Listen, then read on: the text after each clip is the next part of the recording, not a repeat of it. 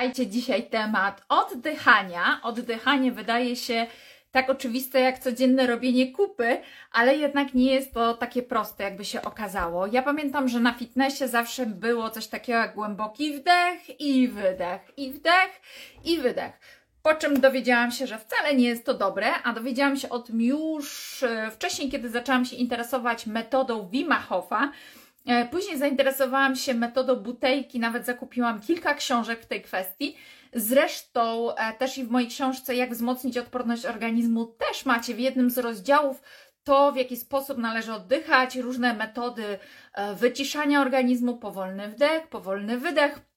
Natomiast wiecie, no ja bym Wam mogła po prostu powiedzieć, że mamy oddychać wolniej, ale no przecież e, z kim innym moglibyśmy o tym porozmawiać? Właśnie jak nie e, z Joanną Manią, która jest, uwaga, jest specjalistą do spraw emisji, higieny i rehabilitacji głosu, trenerem wokalnym, trenerem oddechu, certyfikowanym instruktorem oddychania metodą Butejko, ale również certyfikowanym hipnoterapeutą. I co jest ciekawe, że Joanna w swojej pracy patrzy na człowieka holistycznie, czyli nie tylko na to, w jaki sposób e, człowiek oddycha, ale zwraca uwagę na e, emocje. Już przecież o emocjach też mówiliśmy tutaj z Magdą Szczecińską e, w materiale dotyczącym totalnej biologii, więc wiecie, że to jest bardzo ważne. Zwraca też uwagę na napięcia w ciele, zwraca uwagę na to, jak to w jaki sposób ktoś się odżywia i zwraca pewnie uwagę również na to, jak ten ktoś śpi, czyli patrzę całościowo a ja już tutaj e, ja się dołączę i mam nadzieję, że za chwilkę dołączę. No i e, ruszymy z tym tematem, bo pytań mamy ogromną ilość. Witaj, Asiu. Cześć, cześć, witam. Co za wcześnie weszłam, ale linka widziałam, sorry. Nie, nie za wcześnie. Ja już Cię zdążyłam zapowiedzieć, już wszystko o Tobie powiedziałam. Ty masz tyle specjalizacji i e, powiem Ci, że bardzo mnie też zaciekawiło to, co jest e, u Ciebie na temat e, emisji głosu, czyli wydaje mi się, chociaż może się mylę, że Ty zaczynałaś od śpiewu i od uczenia ludzi, jak mają śpiewać, jak mają głos wydobywać siebie w sposób prawidłowy, żeby go nie stracić? Tak, no tym się głównie jakby zajmuję od ponad 16 lat, czyli uczę mm, śpiewać, mówić, emisji głosu i zajmuję się też rehabilitacją głosu w momencie, kiedy już dysfunkcje aparatu głosu powstały, czyli jakieś mhm. choroby. Mhm. Tym się ja... głównie zajmuję, dlatego ten oddech jest nam bardzo, bardzo potrzebny. Emocje też, jak się okazuje, tak więc to wszystko jest bardzo powiązane. Hmm? No tak, no wiesz, e, mm, ty i ja to, my, to jesteśmy takie lwy estradowe, że tak powiem, nie? Wiesz, ja też widziałam, wyszłaś tam na scenę u braci rodzeń i tak po prostu płynnie powiedziałaś, ja też to mam. Ale no nie zawsze tak było. I ja zdaję sobie sprawę, że ludzie jak wychodzą, to im się ten głos łamie, pojawia się problem z oddychaniem, zacina nas, zatyka nas i ty właśnie próbujesz, y, znaczy pomagasz ludziom też to przełamać, prawda?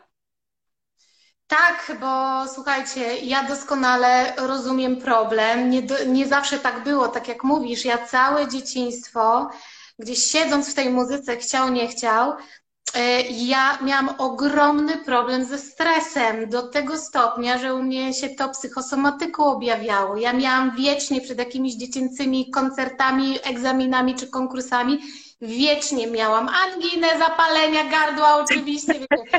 Teraz wiem, że mnie ciało chciało wybronić, uratować z tego, prawda? Mhm. Mm, tak więc, tak więc tak, no ale ja głównie pracuję z artystami, z wokalistami i ten, y, ten element, ten problem stresu, tremy, lęku przed oceną, widzę i to naprawdę im paraliżuje zarówno życie zawodowe, jak i po prostu no, takie, takie prywatne. Mhm. No i ja domyślam się, że dzisiaj również opowiadając o tych metodach oddechowych, o, do których sobie dojdziemy, bo dzisiaj mamy tematyki tak dużo, że się pytałaś mnie, czy ten live będzie dwa dni trwał. E, pytań mam ogromną ilość, ale podejrzewam, że e, te metody również pomagają, prawda, opanować stres, czyli spo, sposób, w jaki oddychamy bardzo, bardzo szybko i skutecznie, bo to nie jest jakieś wmawianie sobie, oj uspokój się, będzie dobrze, czego ty się denerwujesz. To nas na, nakręca jeszcze bardziej, takie gadanie nas e, denerwuje jeszcze bardziej. ale to jest uspokajanie organizmu na poziomie fizjologicznym, więc to po prostu to nie są czary, to nie jest wmawianie, to nie jest oszukiwanie się, e, projektowanie, że pójdzie mi dobrze, tylko to jest uspokajanie e, po prostu biologii naszego organizmu i za to kocham metodę butelki. Hmm? Wiesz co, ja bym tutaj chciała coś swojego e, wtrącić, bo czytałam takie ciekawe badania, E, ludzi, ludziom kazano wejść na most. E, I to był most taki wiszący, przeźroczysty, taki wiesz, ażurowy, że jak oni tam weszli, to faktycznie odczuwaliśmy ogromny stres związany z wysokością. I ludzie, którzy przechodzili, kobieta z mężczyzną, po przejściu przez ten most, uważali się za bardziej atrakcyjnych, kiedy przechodzili przez ten most. E, I do czego doszli badacze? Że chodziło o bicie serca. Czyli tak to, co ty mówisz, że w momencie, kiedy to bicie serca było szybkie, to oni to odbierali jako zakochanie, tak? Bo nam się to z tym kojarzy, jako podnieta, jako o widocznie ktoś mi się spodobał, bo to serce przyspieszyło i to było takie ciekawe. E, I myślę, że to samo jest na scenie, tak? Czyli to mocne bicie serca od razu nas paraliżuje, a słyszysz uspokój się. No to nie zmieni rytmu serca. Ale to uspokój się też denerwuje nas z zupełnie innego powodu. Wiecie z jakiego? I wiecie z jakiego? Y, stres, zwłaszcza dla muzyków, artystów, wokalistów, aktorów, jest takim trochę wstydliwym tematem, bo my się wstydzimy przyznać, że się stresuje, bo my powinniśmy po prostu jak te lwy właśnie wyjść na scenę, nie odczuwać tak. stresu, bo jeśli my mamy wmawiane w edukacji naszej muzycznej, że jak odczuwasz stres na scenie, to się nie nadajesz do tego zawodu. Więc my mamy już wbite pewne programy, że przyznanie się do stresu jest wstydliwe. Wydaje mi się, że u niemuzyków jest bardzo podobnie. Stres jest po mhm. prostu taką, taką sytuacją troszeczkę krępującą. I jeżeli ktoś nam jakby pokaże, że widzi ten stres, czyli mówi, nie denerwuj, czego ty się denerwujesz? To my sobie uświadamiamy, że ludzie to widzą i tak. odbierają tak. i się stresujemy jeszcze bardziej. Tak więc, mhm. Ale o stresie to też do rana mogłybyśmy rozmawiać. No to słuchaj, pierwsze pytanie w takim razie, bo mnie to zaciekawiło w związku z tym, że ty uczysz tej emisji głosu, pracujesz z wokalistami. Czy to jest prawda, że każdy, kto wykaże chęć i będzie trenować, może się nauczyć śpiewać, nawet jeżeli rodzina mówi, e, słuchaj, nie, nie rób tego, lepiej zajmij się tańcem, może czymś innym, bo po prostu um, pękają lustra. Ed Sheeran powiedział, że on tak naprawdę nie urodził się z talentem, a wszystkiego się nauczył na e, ćwiczeniach. Czy to jest prawda? To jest takie standardowe pytanie i ja zawsze na to odpowiadam. Oczywiście, że każdy może śpiewać, tylko nie każdy może tego słuchać. No wiesz, to mnie nie urządza jakby. Tak. I wiecie co, ja przez wiele, wiele lat byłam instruktorem takim chyba zbyt ambitny, który faktycznie każdego próbował nauczyć śpiewać do momentu, aż zaczęły mi przychodzić naprawdę niepełnosprawne dzieci e, z porażeniem mózgowym, z różnymi problemami, z niedowładami mięśni, I wtedy moje ego musiało puścić. Ja musiałam zrozumieć, że pewnie ich nie nauczę śpiewać i to też jest ok. Są ludzie, którzy przychodzą na takie zajęcia zupełnie z innych powodów. E, I teraz ja jakby w tej swojej drodze instruktorskiej jestem gdzie indziej. Ja uważam, że wszyscy powinniśmy śpiewać. Nieważne, jak dobrze. Oczywiście mhm. w, w, takich zajęciach chodzi o to, żeby śpiewać zdrowo, żeby sobie nie zrobić krzywdy, żeby się nauczyć emisji, oddychania i tak dalej. Ale przede wszystkim ja uważam, że śpiewajmy. Chociażby, chociażby na, ze względu na stymulację pewnych obszarów mózgu, chociażby ze względu na ten oddział, yy, oddech Chociażby, moi drodzy, ze względu na, na produkcję tego tlenku azotu, który, który e, produkuje się w nosie w momencie tak zwanego hummingu, czyli, czyli takiego mruczenia, prawda?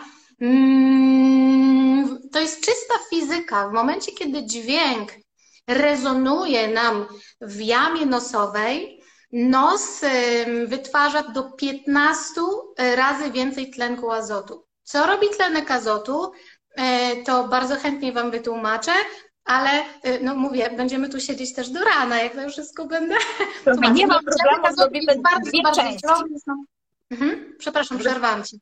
Zrobimy w razie czego dwie części, także nie ma problemu, nie hamuj się, opowiedz, bo ja mówiłam w swoim kontekście, ale fajnie, żebyś ty powiedziała, bo na pewno ma to coś wspólnego również y, z górną częścią ciała. Ja na przykład podkreślam, że tlenek azotu ma znaczenie we wzwodzie męskim, e, jest kluczowy i jest kluczowy dla prawidłowego rozszerzania się naczyń krwionośnych, więc w migrenach ma ogromne znaczenie, ale ty na pewno e, chciałabyś powiedzieć jeszcze o czymś.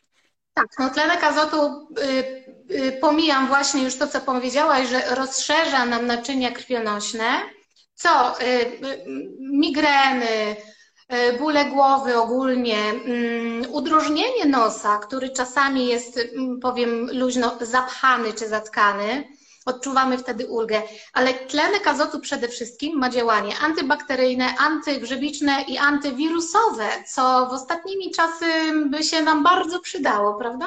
Mhm. E, on dosłownie dezynfekuje mm, cały, cały układ oddechowy do samego dołu, do samych płuc, jeśli oddychamy nosem. Tak więc bardzo przydatna rzecz. I właśnie okazuje się, są na to badania, że jeżeli mruczymy, czy ten humming robimy, to 15 razy więcej e, tego tlenku azotu się produkuje oraz, co też bardzo ciekawe, stymulujemy nerw błędny, który przebiega tuż, e, tuż właśnie za ścianą gardła. I to jest znowu mhm. fizyka. Dźwięk, który rezonuje nam w gardle, po, po prostu pobudza ten nerw błędny z tyłu.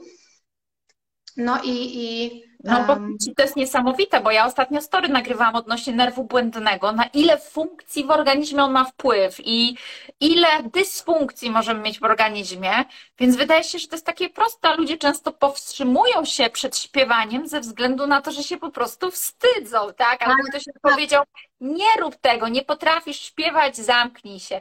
A zobacz, że dzieci naturalnie to robią, tak? Dopóki dorośli im nie powiedzą, żeby tego nie robiły. Tak, tak. No to, to są takie właśnie emocjonalne, a wręcz traumatyczne rzeczy, o których e, mówisz i potem wyciąganie ludzi właśnie z takich barier. E, to jest już praca stricte e, na emocjach, na podświadomości, na umyśle, na traumach, na odblokowaniu człowieka, bo głos, głos jest bardzo ważny. Wszystko jedno, czy zajmujemy się śpiewaniem, czy nie. Głos wyraża nas i nasze emocje. Czy chcemy, czy nie chcemy, też są na to badania. Mhm. E, I jeśli, jeśli obawiamy się tego naszego głosu, obawiamy się, czy mówić, czy śpiewać, to blokujemy w ciele po prostu emocje. Dlaczego przy stresie mamy uczucie, że zaciska nam się gardło? Tak. No bo powstaje y, tyle napięć tutaj fizycznych, ale one pochodzą z emocji. Mózg chce nas y, po prostu wyratować z sytuacji stresowej, czyli e, człowieku nie śpiewaj nie mów, prawda? Ja ci zatkam wszystko, pozamykam e, i będzie git. Czyli można powiedzieć, że takie medytacje, w których robimy coś takiego, om, że one są dla nas bardzo korzystne, tak? No widzisz, ja na przykład nigdy nie przepadałam za mantrami, e, a okazuje się właśnie, że, że to jest mądre i po prostu zdrowe. Mhm. A pokaż przykład tego, co powiedziałaś, ten harming. Jak to robisz? To jest Humming. po prostu właśnie takie mruczenie. To... Mm, Ale to aż w się, aż, aż wiesz, aż tak łaskoczysz, że kichnąć chce. Tak, powinien, powinny łaskotać nas usta, y, nos, bo właśnie tu odbywa się ta rezonacja. I to nie mhm. trzeba trzymać dźwięku. Możemy sobie zrobić mm, mm, prawda? Jadąc samochodem czy czymkolwiek, więc no dobra, to powiedz tak praktycznie. Ile takich ćwiczeń trzeba wykonać? Powinniśmy to robić codziennie, pięć razy, dziesięć razy, minutę, pół godziny. No więc odniosę się tutaj do butelki. Butejko mówi, że godziny dziennie warto. Wow. No, tylko że właśnie w naszym zwariowanym, szybkim życiu, kto ma godzinę, żeby poświęcić na głupi oddech, prawda? Dlatego ja na przykład jak e, mm, pracuję z klientem, pokazuję mu ćwiczenia i wspólnie też często analizuję jego dzień. I znajdujemy takie czynności jego w dniu jego normalnym, podczas których może robić to, to i to ćwiczenie, a potem zalecam, no człowieku, znajdź przynajmniej te 15 minut. Po prostu, mhm. żeby popracować samemu ze sobą, wyciszyć się, skupić się może przed snem, żeby skoncentrować się tylko i wyłącznie na swoim oddechu, takie uspokajające. Ale wiele mhm. ćwiczeń możemy zrobić w międzyczasie. Na spacerze z psem, e, obierając ziemniaki na obiad, oglądając jakiś film, prawda? Albo czytając jakiegoś nudnego maila. Możemy sobie usiąść tak w, w, w biurze czy gdzieś i to już jest ćwiczenie, prawda? To już jest redukcja oddechowa. Nikt tego nie widzi, nikt tego nie zauważy, a już, już ćwiczenie leci. Tak więc mhm. no teoretycznie godzinę dziennie i pamiętajmy, że w metodzie butejki chodzi o to nie jest ćwiczenie, to nie jest tak naprawdę metoda, to jest przywracanie zdrowych nawyków oddechowych. I mhm. teraz praca z nawykami jest dosyć trudna, bo nie wystarczy zrobić 5 minut ćwiczenia dziennie i już, tylko im częściej w ciągu dnia i krócej, niech to będą dwie mhm. minuty, ale 10 razy dziennie, 20 razy dziennie, e, tym ten nawyk wklepiemy sobie szybciej. Mhm. Dobrze, nim dojdziemy do metody butejki, to ja bym chciała, żeby, bo wiesz, ja bym chciała, żebyśmy taki wstęp, czerwony dywan tutaj rozwinęły. Jakbyś mogła powiedzieć, co to znaczy oddychać nieprawidłowo, bo ty używasz takiego e, stwierdzenia, że my oddychamy za dużo, za szybko, za często, tak samo jak z jedzeniem często, e, a tak nie powinno być. Co to znaczy dla ciebie? I, no tak, żeby wszyscy zrozumieli, co to znaczy nieprawidłowo oddychać i jak jest prawidłowo oddychać. No więc nieprawidłowo to jest za dużo, za dużo, za bardzo, za mocno i przez usta i nie wykorzystując potencjału przepony. To są takie najważniejsze mm, w ogóle filary, zasady y, butelki. Czyli tak jak, fajnie, że to porównałaś, ja też to lubię porównywać do diety. Tak, tak jak mm, nauczyliśmy się niezdrowo jeść, znaczy nie wiem, czy nauczyliśmy to jest złe słowo, ale jemy niezdrowo, za dużo i za mhm. często. Znaczy ja wiem, że twoi widzowie nie, bo już ich nauczyłaś, jak trzeba jeść. Ale generalnie niestety jesteśmy społeczeństwem, które je za dużo, za często i niezdrowo. Mhm. Dokładnie to samo stało się z oddechem. My oddychamy mhm. za szybko i za, za dużo, czyli no, też nauczono nas, nie? Są te takie mity, że głębszy oddech jest zdrowy dla ciebie i się bardziej dotlenisz. I muszę Wam się przyznać, że niestety mnie również na studiach y, wokalnych, no już takich, wiecie, gdzie ten oddech powinien być dobrze y, wykładany, skończyłam studia i w Londynie, i w Polsce. I na obu studiach mnie również, to było lata temu, ja się przyznam, ja się dobrze trzymam, ale ja już stara jestem. E, w każdym bądź razie, mnie samo uczyli, oddychaj więcej, szerzej, bardziej, to się dotlenisz. Ja niestety przez wiele lat no, y, uczyłam tak swoich uczniów i klientów. No cóż, dobrze, że lubię się rozwijać i uczyć i już tego błędu nie popełniam. Jeżeli oddech, tak więc jeżeli słyszycie, a myślę, że większość z nas słyszała taki mit, że głębokie oddechy pozwolą ci się uspokoić, dotlenić. Tak, tak. Nic bardziej bzdurnego. Od dzisiaj proszę tego nie słuchać, bo to jest zupełnie na odwrót. Tłumaczyć, czy, czy na razie tak, starczy? Tak, też wytłumacz, bo wiesz, dla, e, padło też takie pytanie, czy w takim razie płytko oddychać. Wiesz, jak oddychamy płytko, to często i szybko, tak? E, e, czy to oznacza, że mamy po prostu wolniej, mamy sobie odliczać, mamy...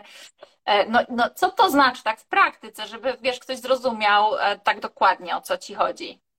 Okej, okay. z tym płytko i głęboko to też się wdarł tak, taki trochę chochlik językowy, takie małe nieporozumienie. E, I ja sama będąc na szkoleniu instruktorskim w klinice butelki, sama sobie tak siedzę i mm, kurczę, coś mi się nie zgadza. No niby mamy mało oddychać, a on ciągle mówi o głębokim oddechu. To w końcu zdecyduj się jak. I mhm. wtedy y, Patrick, bo on prowadził to szkolenie dla nas, Patrick McKeon, e, on mi właśnie wytłumaczył, znaczy mi, nam wytłumaczył, że deep breathing to nie jest głęboki oddech, tak jak my go rozumiemy, w sensie nabierz więcej powietrza, weź duży oddech, tylko deep in the body, czyli głęboko w ciele, czyli przeponą. I teraz u nich głęboki oddech, deep breathing, znaczy przeponą po prostu, a u nas my rozumiemy ten głęboki oddech jako wdychaj dużo powietrza. Mhm. Więc jeżeli ktoś mnie pyta o płytki oddech, to najpierw to sobie wy, wy, wytłumaczmy, czy płytko w ciele, czyli górną częścią klatki tak, piersiowej tak, dalej się ten podnosi, oddech nie tak? wchodzi, czy nabieram mało powietrza. I teraz odpowiadając y, na to pierwsze, jeśli mamy na myśli, że działa nam głównie górna klatka piersiowa albo górne żebra, no to, y, no to my tego nie chcemy. My tego naprawdę nie chcemy, bo przepona musi działać. Znaczy, to też jest taki skrót językowy, bo przepona działa zawsze. To też uwaga na te skróty językowe. Przepona mhm. działa zawsze. Jeżeli ktoś Wam mówi, że nie działa Ci przepona, to się bardzo myli, bo żebyśmy wzięli wdech i wydech, to muszą nastąpić różnice ciśnieniowe w jamie, w jamie brzusznej i od tego właśnie jest przepona. Tylko, że bardzo często jest tak, że my nie wykorzystujemy potencjału.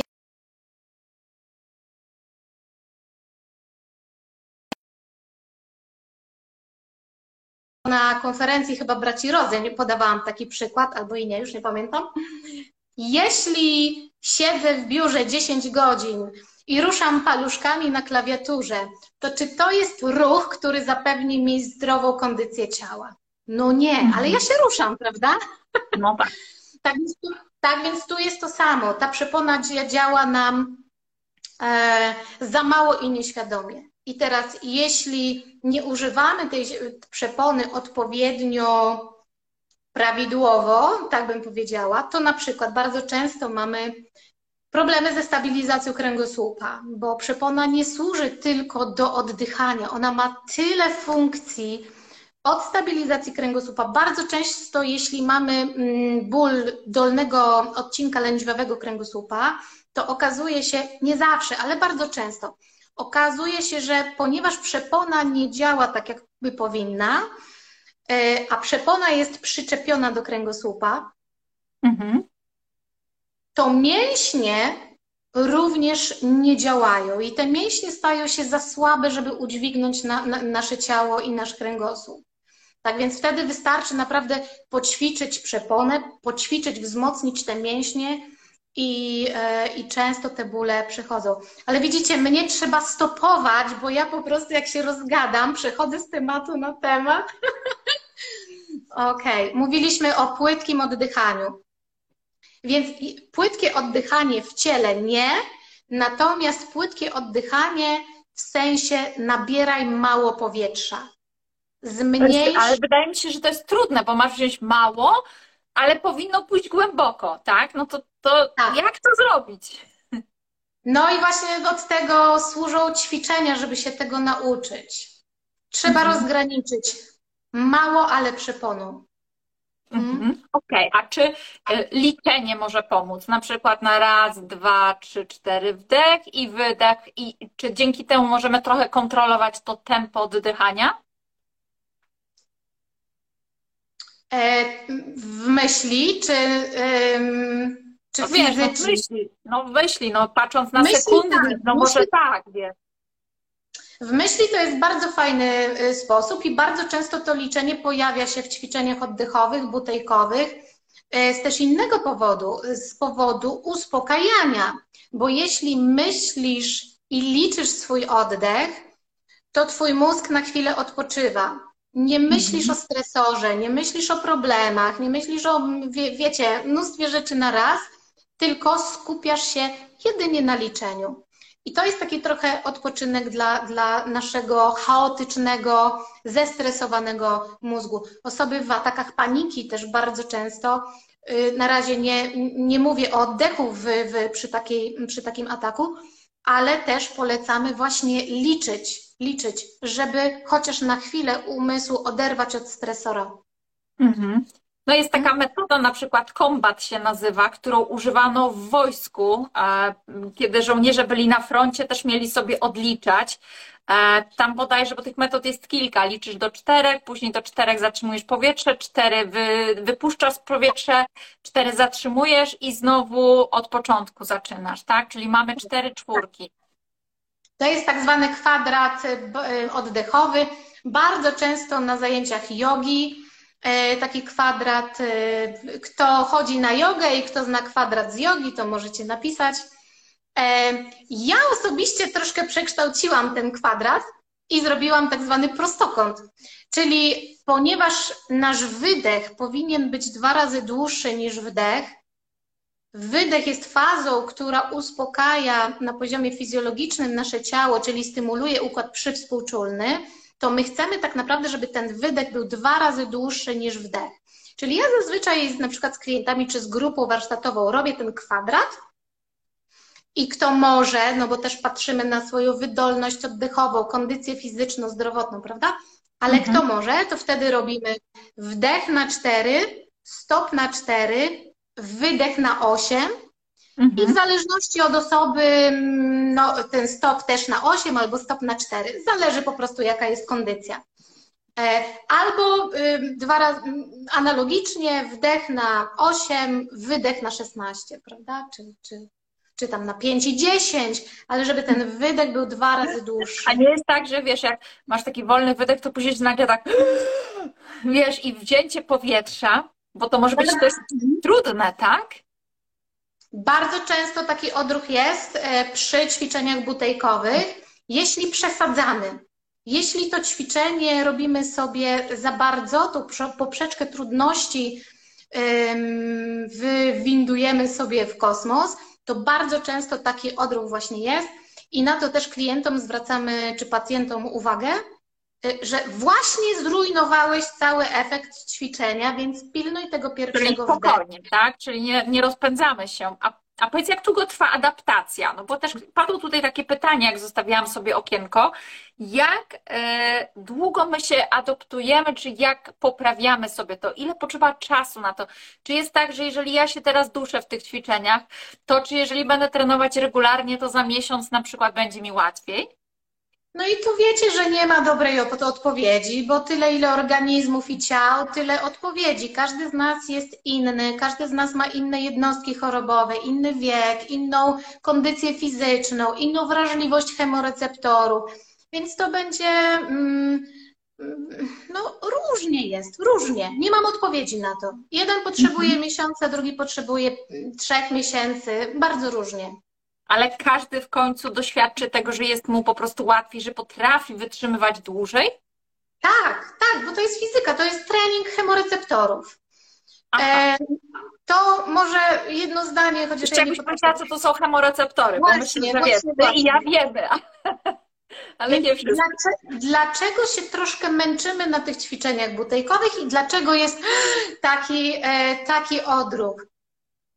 Chemoreceptory, czyli takie y, czujki, takie powiedzmy sobie czujki, one są w naszym ciele po to, żeby wyczuwać nasz poziom tlenu. Jeżeli ten poziom tlenu czy dwutlenku węgla, bardziej dwutlenku węgla, jeżeli on spada albo rośnie, to te chemoreceptory wysyłają sygnał do mózgu, y, mózg uruchamia przeponę i masz szybciej oddychać, bo potrzeba nam tlenu, na przykład, mhm. prawda? Więc w tych ćwiczeniach butejkowych chodzi o to, żeby te chemoreceptory troszkę potrenować. Ich wrażliwość na te zmiany, żeby troszkę potrenować, żeby one nie reagowały szybszym oddechem, tak, mm, tak, um, tak nagłym. Tak. Tak, y, może nie tyle gwałtownym, ale że szybko chcemy wziąć oddech. Czyli na przykład, jeśli wstrzymasz oddech i jesteś w stanie wytrzymać, no nie wiem, tylko 3 sekundy na przykład, to znaczy, że wrażliwość Twoich chemoreceptorów jest bardzo duża. One bardzo szybko zmobilizują Twój organizm, żebyś wzięła oddech. I my chcemy.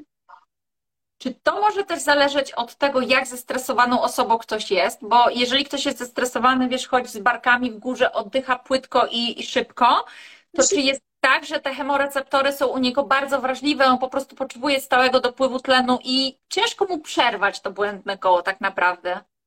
To się wszystko bardzo łączy, bo jeżeli jesteś osobą zestresowaną, to masz przyspieszony oddech. Jak masz przyspieszony oddech, to masz mniej dwutlenku węgla w organizmie. Jak masz mniej dwutlenku węgla, e, węgla w organizmie, to twoje chemoreceptory będą zmuszać twój organizm do więcej, szybciej oddychaj. Mhm. I to jest właśnie błędne koło. No. No dobrze, no to powiedz coś o tym dwutlenku węgla, bo wiesz, e, zbliża się zima, już się e, mówi o zatruciu dwutlenkiem węgla. No i jakbyś powiedziała, bo wiesz, my tutaj mówimy o dwutlenku węgla, mam nadzieję, że ktoś nie odpali sobie butli z dwutlenkiem węgla i nie będzie wciągał dwutlenku węgla, bo to można po prostu odpłynąć do, e, do, na tamten świat, przenieść się. E, jakbyś mogła powiedzieć o teorii e, tlenu, dwutlenku węgla i o jaki dwutlenek węgla chodzi, że to nie chodzi o taki z butli i dlaczego mamy mieć więcej dwutlenku węgla, skoro wiesz, mówi się, że dwutlenek węgla jest odpowiedzialny za ocieplenie klimatu i wszystkie inne złe rzeczy. Tak, tak. E, słuchajcie, o Jezu, ile pytań padło, od czego mam zacząć? E, to jest kolejny mit i ogromna bzdura, e, że tego dwutlenku węgla tak strasznie, znaczy wmówiono nam, że jest taki strasznie zły i trujący. Być może jest, tak jak i tlen. Nie zapominajmy, że tlen też jest destrukcyjny, spalający, i bardzo, bardzo szkodliwy w naszym ciele. Tylko jakoś się o tym nie mówi. No e, właśnie. Wiesz, no, mówi się o wolnych rodnikach, tak? Jak wiemy, wolne rodniki powstają z tlenu właśnie, czyli im więcej aktywności fizycznej, szybszego oddychania, tym więcej wolnych rodników, tak? Czyli no coś się mówi, ale tak nie do końca.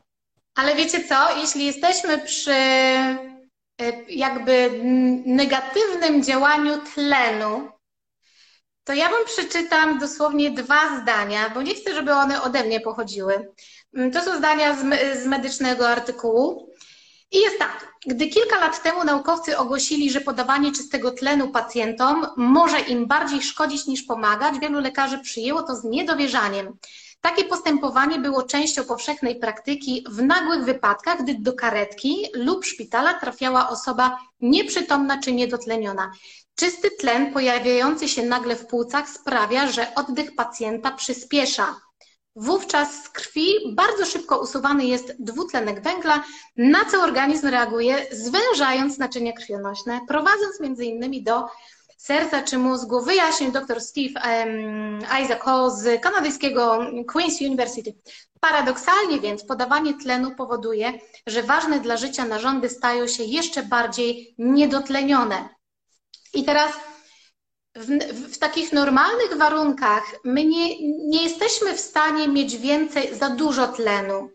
Mhm. No bo w powietrzu mamy mieszankę gazu, w powietrzu mamy 21% tlenu, więcej nie wdechniesz.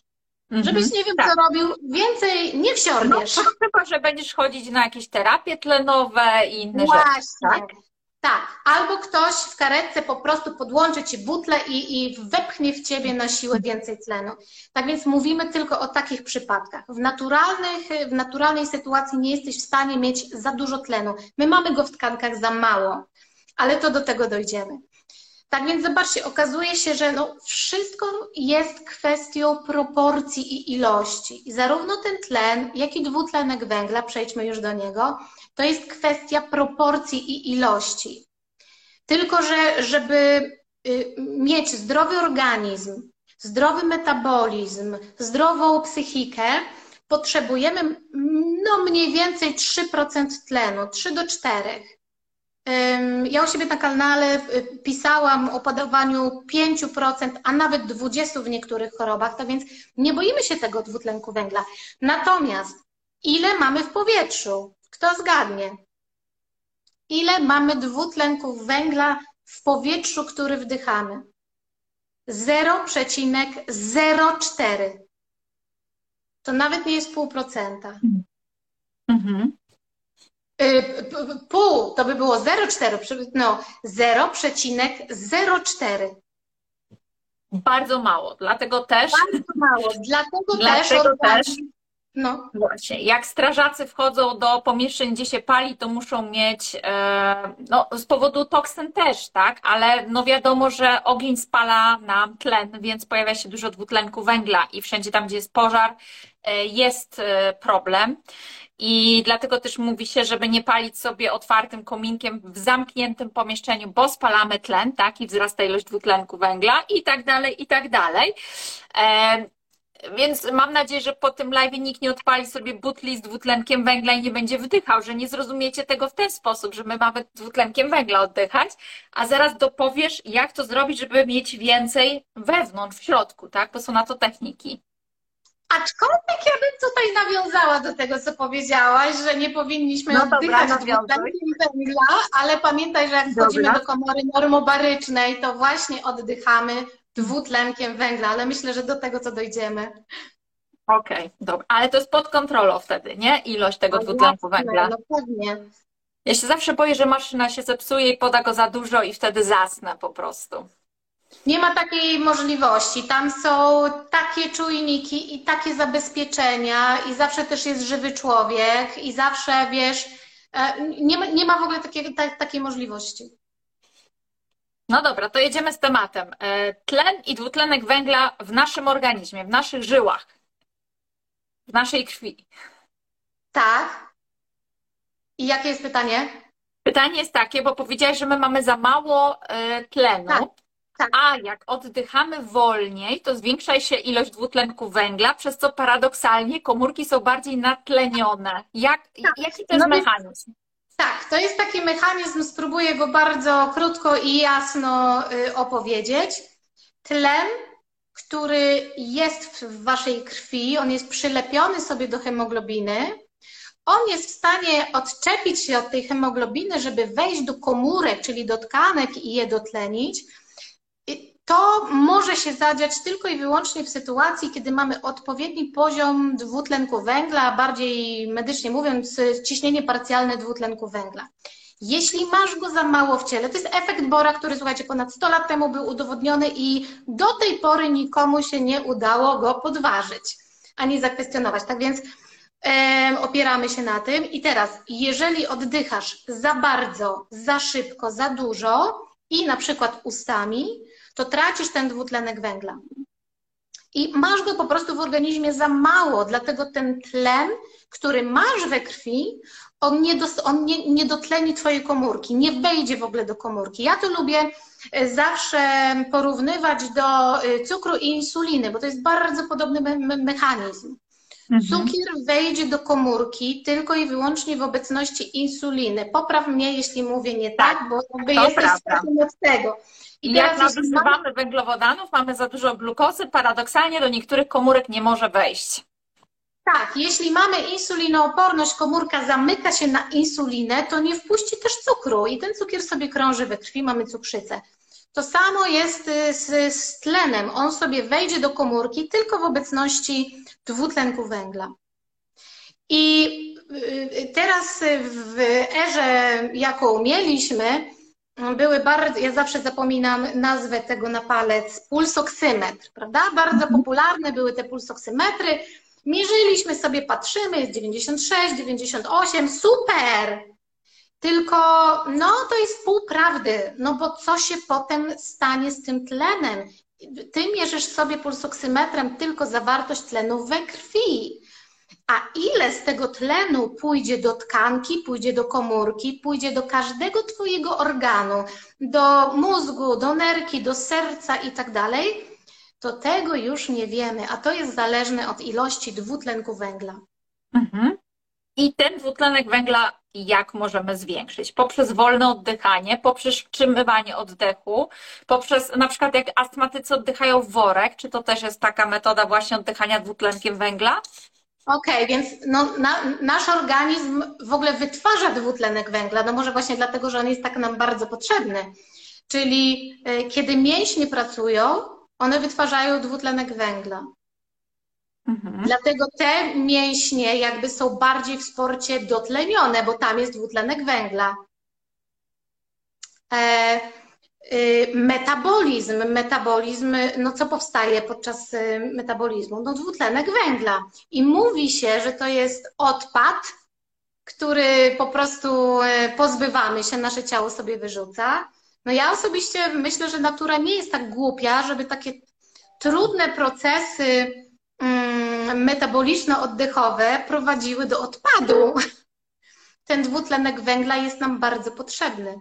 Mhm. I teraz jak go też zwiększamy? No po pierwsze, nie oddychajmy buzią, nie oddychajmy ustami. I bardzo często jest tak, że y, y, ludzie mówią: Nie, ja na pewno nie oddycham, no przecież mam usta zamknięte. Tak, ale przeanalizuj. Jak idziesz na siłownię, jak oddychasz, jak szybko dostajesz zadyszki. Seniorzy, jak idą na spacer z pieskiem, jak szybko dostają zadyszki, jak szybko otwiera im się buzia. Czy jeśli mamy um, zatkany nos, niedrożny nos, bo jest katar, bo jest alergia, bo coś tam, e, jak dużo oddychasz przez usta? O chrapaniu nawet nie wspomnę, że to jest oddychanie przez usta przez bardzo dużo godzin, prawda? Mhm. Lagą dzisiaj, słuchajcie, jest młode pokolenie, ekranowe, tak jak ja mówię, wgapione w te ekrany i siedzące tak. dosłownie tak, dosłownie tak. Mhm. No. Tak więc, jeśli zaczniesz oddychać wolniej, mniej powietrza nabierając, mniej wdechu, wolniej ten wydech, to wolniej pozbywasz się dwutlenku węgla. Mhm.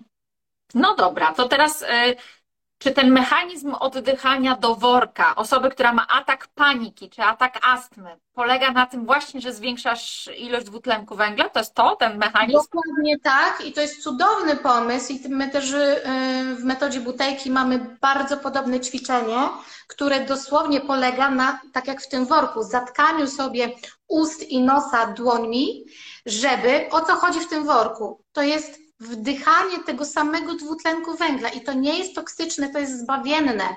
Organizm nareszcie ma y, trochę więcej tego dwutlenku węgla, bo go nie wydychasz, bo go nie tracisz, tylko go wdychasz z powrotem. Mhm. Y, I to jest ratujące. Mhm. Mhm.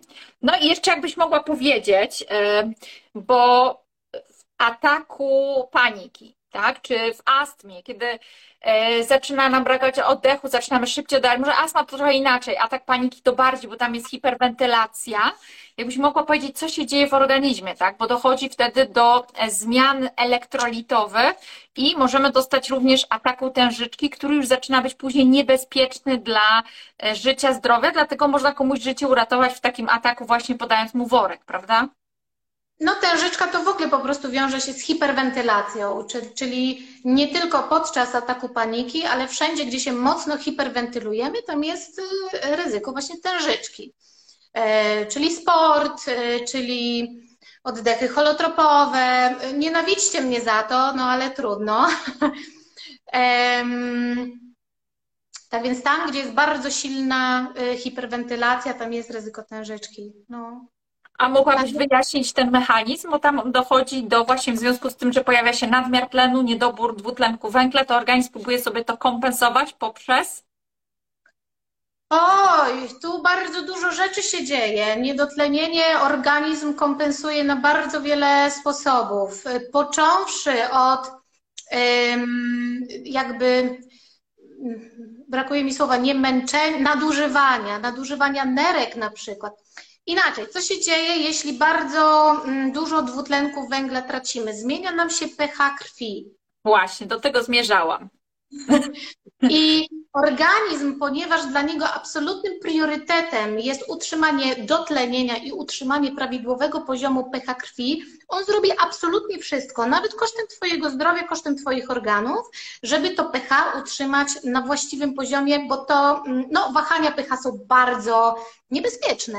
I organizm robi wszystko, począwszy od y, nadużywania nerek, żeby trochę więcej y, kwasu mlekowego mm, produkowały, żeby właśnie skompensować, żeby bardziej y, no, kwaśno zrobić, tak? Odczyn kwaśny, przepraszam, odczyn kwaśny, to się tak nazywa. Po, po zużywanie pewnych zasobów w ciele, minerałów, witamin, na przykład Wtedy z kości uwalniany jest wapń, też w celach kompensacji. Bardzo często to jest czas, kiedy zaczyna się osteoporoza. Mhm. Osteoporoza wiemy też, że się łączy ze stresem, z nieprawidłowym snem, ale zobaczcie, to się wszystko po prostu łączy. Jeśli chrapiesz, jeśli masz bezdech senny, to nie śpisz dobrze, nie masz dobrego snu. Tak więc, y, no tak, to są fajne rzeczy, naprawdę. No to jest niesamowite, bo wiesz, y, to, że my szybko oddychamy, to, że to pH się zmienia, tak jak powiedziałeś, organizm bezwzględnie będzie dążył do wyregulowania pH i takie mówienie nam, e, że my jesteśmy zakwaszeni, my sami możemy do tego doprowadzać poprzez szybki oddech, więc organizm wypłukuje minerały, stąd jest możliwy również atak tężyczki, dlatego że my się pozbywamy ważnych minerałów. E, I jeżeli mówimy na przykład o zakwasach, które jak wiemy są dąsami, ale e, również organizm potrzebuje tych minerałów, to kiedy mamy takie treningi, w których właśnie szybciej oddychamy, później potrzebujemy również te elektrolity e, uzupełnić. I to nie jest tylko kwestia pocenia się, ale to jest również tego e, kwestia, że myśmy po prostu tak szybko oddychali. Czyli można powiedzieć, że sport, w którym mocno oddychamy, albo sytuacje stresowe, raz, że no wiemy, że to jest stan zapalny, a dwa, że samo oddychanie prowadzi do desregulacji pH i angażowania e, magnezu, wapnia w naszym organizmie, sodu, potasu. Tak, bo dwutlenek węgla ma odczyn kwaśny. Więc jeśli my mamy bardzo mało, krytycznie mało dwutlenku węgla, e, no to zmienia nam się pH, czyli zakwaszenie krwi na bardziej alkaiczny. I o tym też bardzo dużo mówi Wim Hof, Wim Hof z którym notabene dzisiaj rozmawiałam na Messengerze, bo próbowałam się wbić do jego ekspedycji w styczniu. Tak więc zgodził się, ale muszę to wszystko przemyśleć jeszcze. E, w każdym razie Wim Hof mówi, że, że mm, jego y, ćwiczenie oddechowe, no to jest silna hiperwentylacja, my o tym wiemy. Ona ma konkretny cel, e, natomiast on mówi, że właśnie ona zmienia, prowadzi do e, alkalozu, bardziej alkalicznego, mm, no nie zakwasz, odczynu krwi. I to ma swój jakby konkretny cel i tyle, ale My nie możemy tak oddychać na co dzień, bo myśmy dawno umarli.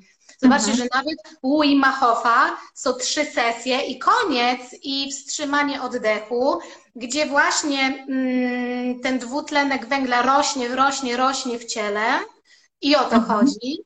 E, w czasie tych oddechów, ponieważ mamy i hiperwentylację, i bardzo długie wstrzymanie oddechu, to to powoduje trenowanie naszych chemoreceptorów. Tak więc to jest wszystko bardzo fajne, ale on mówi trzy serie i tyle, i medytuj.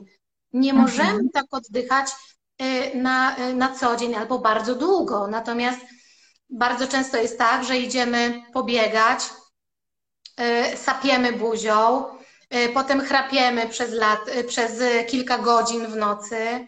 No i niestety, niestety, a potem idziemy do pracy mówionej i mamy bardzo dużo mówców, bardzo dużo szkoleniowców, ja też miałam taki odruch, niestety, bo nas wokalistów w ogóle tego uczą, żeby oddychać ustami. Bo jest to szybsze, sprawniejsze i przy mikrofonie bardziej ciche, nie słychać tego, prawda, niż. Mhm. Mhm. Więc ja miałam taki durnowaty nawyk, niestety, na który mi zwrócił uwagę sam właśnie Patrick McKeon. Um, i jeśli idziesz do pracy, masz pracę mówioną i każdy twój wdech jest przez usta, prawda? I robisz tych wdechów przez 8 godzin, nie wiem, ileś set, no to też oddychasz przez usta. Mhm. No. Czyli co, można by było powiedzieć, że y, metoda butejki jest polecana osobom, które mają tężyczkę. Y, również, natomiast metoda butejki jest polecana wszystkim, wszystkim, bo jest to powrót do normalności, powrót do zdrowych nawyków oddechowych.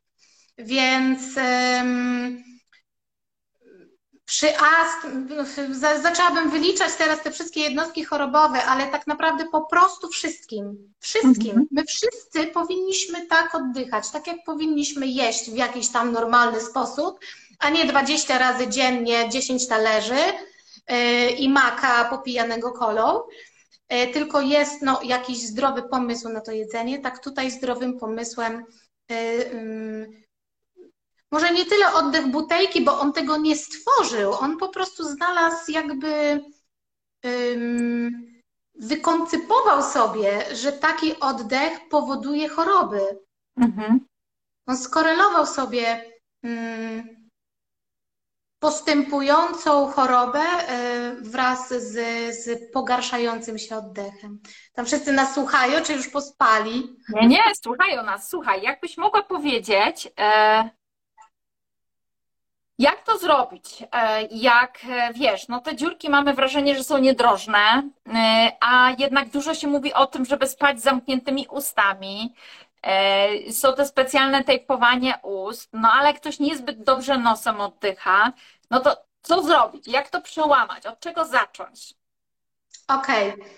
Butejko mówi, że jeśli jesteś w stanie minutę w ciągu dnia oddychać nosem, to twój organizm sobie poradzi. To znaczy, że jesteś w stanie oddychać nosem.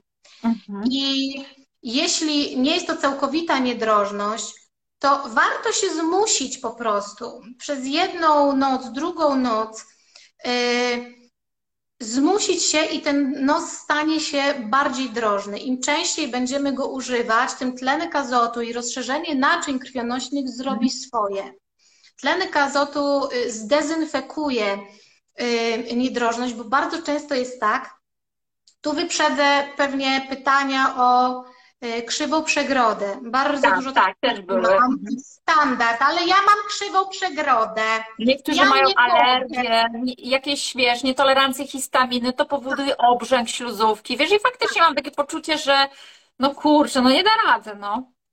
Okej, okay, ale jeśli wywołałaś histaminę, to pamiętajmy, że właśnie niedobór dwutlenku węgla powoduje wytwarzanie histaminy. I bardzo, bardzo dużo alergii jest na tym tle. Czyli ale to. No to jest niesamowite, to tego jeszcze nie, nie słyszałam, tego nie tak. wiedziałam. Tak, dlatego redukcja oddechowa też pomaga w wielu alergiach. Mhm. Bo, bo no, ten, ten, ten element właśnie histaminy jest. Ale e, o czym ja mówiłem? Przegroda nosowa, takie stan, stan, standardowe pytanie.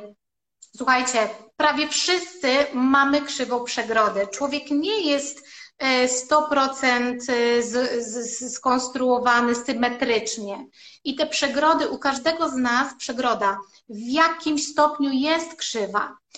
Bardzo często jest tak, że nie sama krzywizna jest problemem i to pokazują operacje przegrody nosowej, które na dłuższą metę prawie nigdy nie są skuteczne. Mówię prawie, no bo pewnie są przypadki, że, że jakieś tam pojedyncze, że to faktycznie pomogło, ale mówię długofalowo. Zazwyczaj, nie wiem, po pół roku, po roku e, ludzie, którzy, którzy mieli mm, operację przegrody nosowej, mają dokładnie te same problemy albo i gorsze. Dlaczego? Bo nawyk, nawyk nie został e, naprawiony. I co z tego, że masz przegrodę poprawioną, jak dalej oddychasz ustami. I wtedy co się dzieje? Nie tworzysz tlenku i tu um, nawiązuję też do tego, jak masz nawet tą krzywą przegrodę i niedrożny nos, to jeśli się zmusisz i będziesz oddychać tym nosem, nos będzie produkować e, tlenek azotu, to on dosłownie zdezynfekuje e, to, co jest w nosie. Bo krzywa przegroda sama w sobie często nie jest problemem, tylko to, że na tej krzywiźnie e, osiadają bakterie, śluz i to wiecie, to sobie rośnie, rośnie swoim mhm. życiem przez x lat i powoduje właśnie taką ogromną niedrożność. Ale to nie sama krzywizna, tylko to, co tam sobie urosło. Więc jeśli zaczniemy oddychać nosem, Albo jest takie ćwiczenie butejkowe właśnie na udrożnienie nosa w momencie, kiedy, kiedy jest katar, kiedy, kiedy jest silna niedrożność. No to ta niedrożność złagodnieje. Jak to zrobić? To ćwiczenie na udrożnienie tak, nosa? Tak.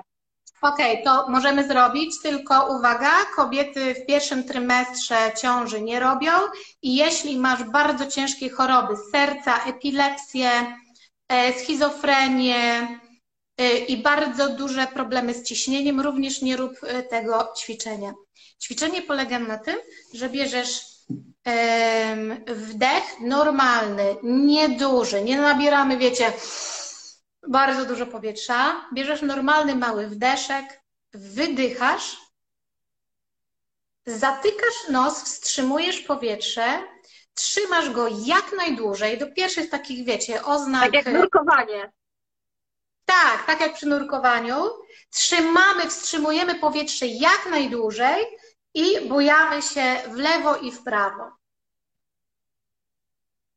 I trzymamy jak najdłużej. Ważne jest, jak już odetkasz sobie nos, i to już jest ta chwila, gdzie organizm mówi dość, to pierwszy wdech robisz nosem, czyli ten wdech będzie głęboki, będzie duży i to jest normalne po takim długim wstrzymaniu oddechu.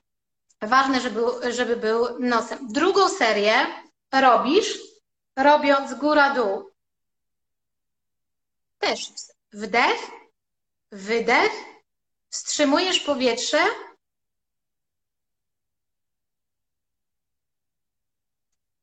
Ten ruch głowy jest dosyć ważny, wbrew pozorom, i takich sesji robisz pięć. To jest bardzo fajne ćwiczenie dla dzieciaczków, którzy, które na przykład mają problem, mają katar, mają problem z uśnięciem, no nie chcemy go szpikować jakimiś lekami i tak dalej. Y, bardzo szybko udrażnia to nos. No niesamowite. A powiedz, e, bo być może pojawiłyby się jakieś raz pytania, e, więc ja je może uprzedzę. Skąd mamy wiedzieć, jakie ćwiczenia kiedy robić? Są na to książki, czy są na to kursy? Wiesz, nie każdy może do Lublina pojechać do ciebie, e, ale czy gdzieś może sobie zakupić jakąś książkę albo w internecie gdzieś są jakieś przykłady takich rzeczy? Słuchajcie, tych książek i tych kursów jest, wydaje mi się, bardzo dużo i ale myślę, że zacznijcie po prostu od um, jakichś materiałów na YouTubie. Też jest tego bardzo dużo jak oddychać, czy, czy Wim Hof, czy Butejko. Jest tego naprawdę bardzo dużo. Książek jest dużo, kursów jest dużo, korzystajcie. No, y, kto jest na moich profilach, to wie, że dla mnie Biblią po prostu, a może nawet książką ważniejszą niż Biblia, to jest Oddech Nestora. Y, I tam jest y, tyle ciekawych rzeczy, że Jezu drogi. Y, nie ma tam, z tego co pamiętam, konkretnych ćwiczeń, ale książki y, Patryka. Mhm. Patrick McKeon um, kilka książek wydał. Jedną z nich mogę Wam pokazać. O, właśnie, tak, to jest ta książka. Taka dość gruba. Ja mam tu tylko jedną jego książkę, bo resztę mam na dole. To jest akurat książka y, odnośnie wpływu oddechu na psychikę i na mózg, tylko i wyłącznie. On mhm. kilka książek wydał o astmie, o oddechu u dzieci, e, tak więc to są też fajne pozycje i one mają konkretne ćwiczenia już jakby zawarte. Natomiast wiecie, no książki książkami, ale też warto zrobić to pod czyimś okiem, chociaż ze dwa razy się do kogoś udać, bo ja zawsze powtarzam, że te ćwiczenia nie są łatwe. Nikt mi nie wierzy, e, a potem mi wszyscy przyznają rację. I teraz Fajnie, żeby ktoś Wam pokazał, zwłaszcza jeśli macie jakieś jednostki chorobowe, zwłaszcza jeśli macie ataki paniki, to zróbcie to pod, pod czyimś okiem. Niech ktoś czuwa nad intensywnością tego, tego ćwiczenia, nad e, objawami w Waszym ciele, bo to widać, kiedy przesadzasz, kiedy robisz to mhm. ćwiczenie za bardzo. A niestety ja po swoich klientach bardzo często widzę, że my chcemy za bardzo. A nie daj Bóg, jak to są ym, zajęcia grupowe, wtedy jest presja grupy. My chcemy za wszelką cenę wytrzymać tyle, ile kolega obok. Tak, ale, tak. tak, tak. Ale też mamy takie, takie poczucie, że jak wstrzymam na bardzo długo, to sobie zrobię dobrze w ciele. Nic bardziej mylnego. Jeśli dane ćwiczenie, i to jest najważniejsze w ogóle w ćwiczeniach butejkowych, nie robienie samego ćwiczenia, ale dostosowanie trudności tego ćwiczenia do mojej kondycji, Mhm. I jeśli zrobisz to ćwiczenie za lekko, ono będzie za, łatwo, za łatwe, no to pewnie wielkiej różnicy nie będzie. Twoje hemoroceptory nie będą y, trenowane. To jest tak jak na siłowni. Jak pójdziesz na siłownię i zrobisz dwa brzuszki, to pewnie wielkiego rezultatu nie będzie. Ale też nie możesz zrobić 10 godzin, bo to będzie za, za, za, za dużo dla ciebie. I y, często, jeśli tak przesadzamy, no to serwujemy sobie tylko stres w ciele po prostu. Więc fajnie się z kimś chociaż nauczyć, jak mam stopniować, jak mam posługiwać się tymi ćwiczeniami i dopasowywać trudność do siebie. Mhm. No. A po czym poznać, że mam zamknięte usta w nocy? No skąd mam wiedzieć, że śpię z otwartymi czy z zamkniętymi? No to jest dosyć proste, bo albo mm, się ślinimy, E, no tak, no, no tak, no fizjologia, nie? Albo mamy słucho w ustach, albo chodzimy na siku w nocy, e, bo nerki za bardzo działają, jak mamy mniej e, dwutlenku węgla. Czyli może być tak, że często moc w nocy jest spowodowane spaniem z otwartą buzią? Dokładnie tak jest. No Dokładnie tak jest. Ja słuchajcie, ja od dziecka miałam. E, ja już myślałam, że to jest normalne, a wręcz dużo lekarzy mi mówiło, że to dobrze, że ja dwa razy w nocy chodzę, chodzę na siusiu, bo to znaczy, że nerki są zdrowe i dobrze pracują.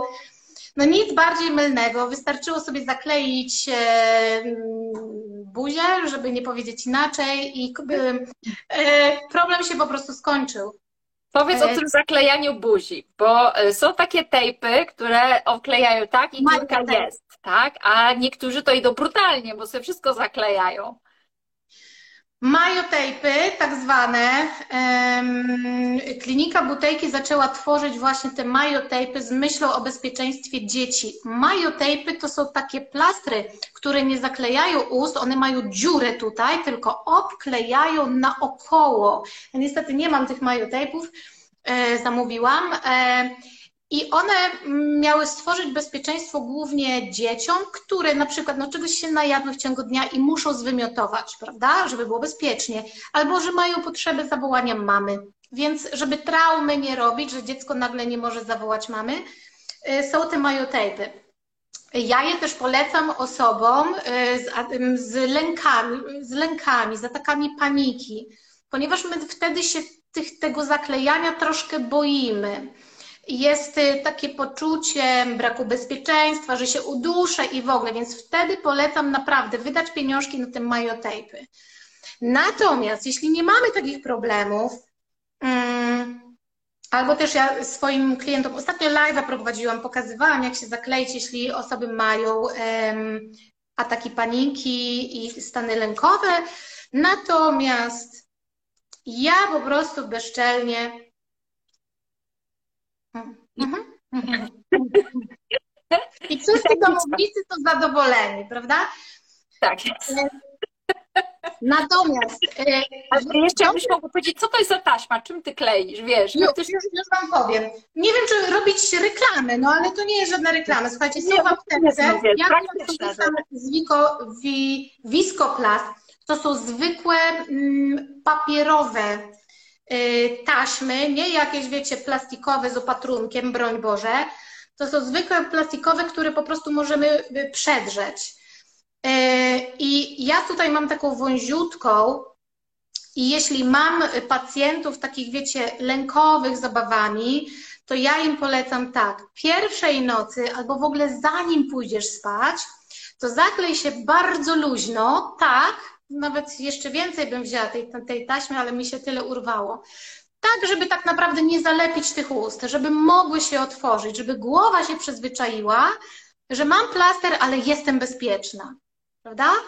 Drugiej nocy polecam już bardziej ściśle, ale pionowo.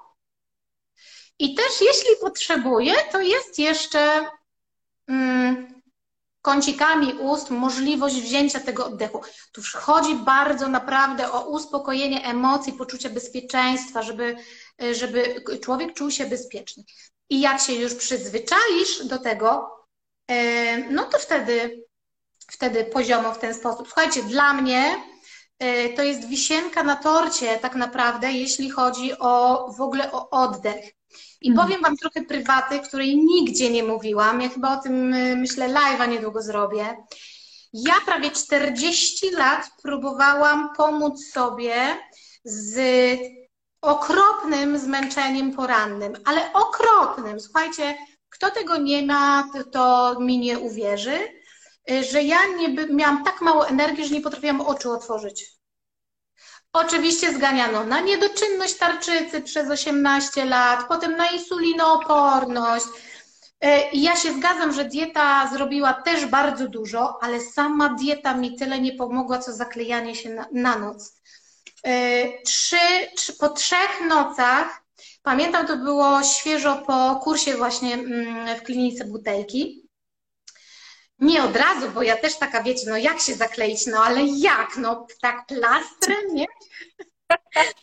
W każdym razie, słuchajcie, trzy noce zaklejania się i ja wstaję o godzinie szóstej i mówię, ja pierdzielę, co ja mam robić? Jest szósta, mam książkę czytać o szóstej, mam tyle energii, że już nie pójdę spać. Wiecie, zupełnie obcy jakby stan dla mnie, nie?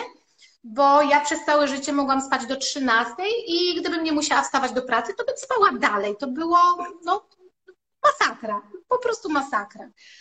Tak więc, a próbowałam bardzo różnych rzeczy na to moje zmęczenie, łącznie z hipnoterapią. Y, tak więc hipnoterapia na wiele innych rzeczy mi pomogła, ale akurat nie na to. Tak więc polecam naprawdę poziom. Dajcie znać, to dzisiaj e, po tej reklamie zaklej sobie usta na noc. Czy macie ochotę spróbować i czy podejmiecie takie wyzwanie? Bo powiem Ci, że mnie namówiłaś, no chyba sobie wezmę i zakleję usta bo od kiedy mam aparat na zębach i to rozklinowanie, to jestem przekonana, że w nocy usta otwieram, bo czuję rano takie, taką suchość w buzi. Tak. I to jest tak.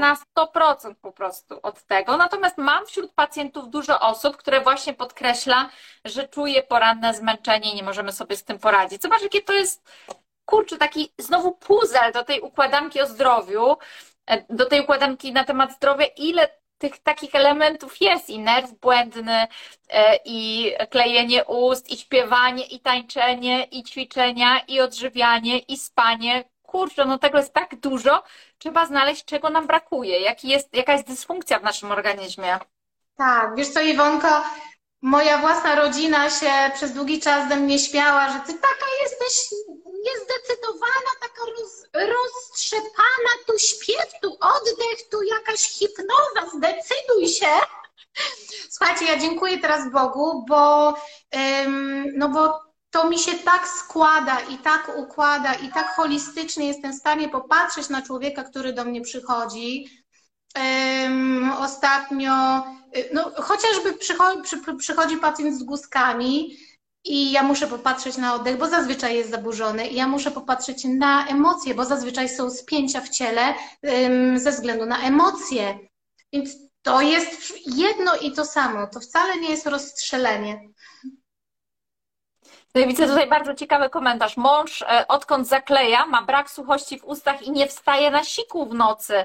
Jak, e, jak tylko raz mu się odkleiło, obudził się na siku. No właśnie, powiem Ci, że ja nigdy tak na to nie patrzyłam, że to jest aktywacja nerek, które równoważą pH naszej, naszej krwi. To są po prostu bufory przecież, tak?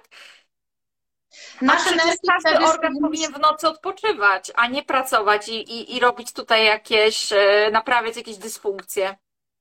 Tak, dziękuję bardzo za ten komentarz, bo to znaczy, że nie ściemniam, nie czaruję, tylko tak, no nerki są wtedy zbytnio eksploatowane, one są zmuszane do produkcji y, większego kwasu mlekowego, większej ilości kwasu mlekowego, y, żeby właśnie skompensować te, te, te mm, zmiany w pH. Mhm. No dobrze, to przejdźmy sobie do ciekawego tematu odnośnie komór, bo e, my niektóre metody, e, jak na przykład trochę nam się nie chce samemu ćwiczyć, tak, to możemy sobie pójść na e, gotowe już, gotowce. Jak na przykład chodzę na terapię mitochondrialną, gdzie mam hipoksję, czyli właśnie raz większe, raz mniejsze stężenie tlenu i widzę jak, jak saturacja mojej krwi, bo też mam puls, pulsoksysometr, no wiadomo, co na palcu założony, to też widzę, jak ta saturacja krwi się zmienia, jak tętno się wtedy dopasowuje, ale mamy jeszcze przecież komory. Normobaryczne, hiperbaryczne i nie wiem, czy są jeszcze jakieś inne, czym one się różnią i co one nam mogą takiego zrobić i które ty tutaj polecasz?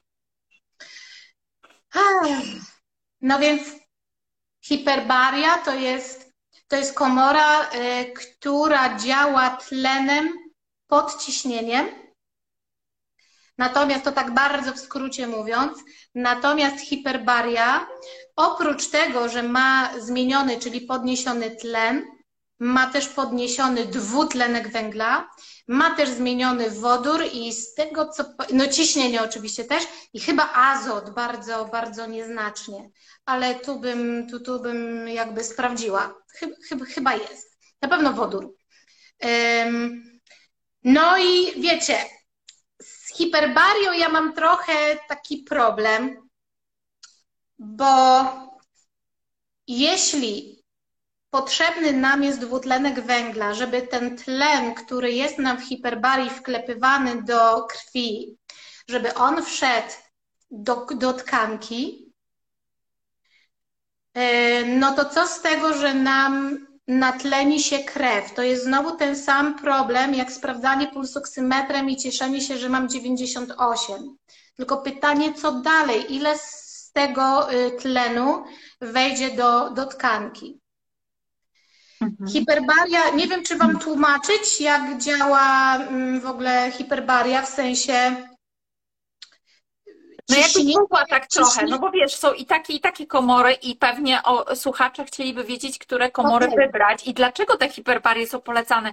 Czy to jest trochę tak na siłę, że to pod tym ciśnieniem się wciska ten tlen, okay. e, natomiast niczego to nie rozwiązuje, czyli generalnie chodząc jakby bardziej natlenimy nasze tkanki, ale no wiadomo, efekt później będzie mniejszy, tak? Bo jakby nie wykonujemy sami tego ćwiczenia. Okej, okay. no więc tu, tu będzie i tak i nie, zaraz do tego dojdę, więc ciśnienie powoduje, że cząsteczka tlenu staje się mniejsza, na tyle mała, że ona sobie po prostu przenika do krwi i mamy natlenioną krew. Mi osobiście tutaj brakuje tego elementu dwutlenku węgla, ale bardzo ciekawej rzeczy dowiedziałam się dosłownie y, wczoraj. Jeśli mamy ciśnienie w takiej hiperbarii powyżej 1600 hektopaskali, to okazuje się, że ten tlen nie potrzebuje układu krwionośnego. Czyli mhm. dlatego nie jest potrzebny nam dwutlenek węgla. Ten tlen jest tak mały, że on sobie wejdzie nawet do tkanki, tak bardzo prosto mówiąc. Tylko, że nie wszystkie hiperbarie mamy na 1600 i więcej. Hiperbarie medyczne na przykład mają nawet 2000 hektopaskali albo 2 ATA, y, albo nawet i 2,5. Tak więc tutaj super sprawa, chociaż też trzeba uważać, że nie każdy wytrzymuje takie ciśnienie. Mhm. No ale dobra, to ma jakby sens. Natomiast trzeba uważać na hiperbarie, które nie mają tego 1600, bo są hiperbarie, które mają 1300 do 1500. No i tutaj wiecie, no troszkę by się ten dwutlenek węgla przydał, żeby w ogóle to miało sens. Natomiast normobaria właśnie ma troszkę mniej tego mm, tlenu, bo tam jest 40% tlenu, ma dwutlenek węgla zwiększony. To jest to, co mówiłam na początku, że wdychamy po prostu ten dwutlenek węgla i ma zmieniony y, wodór. Tak mhm. więc. Y,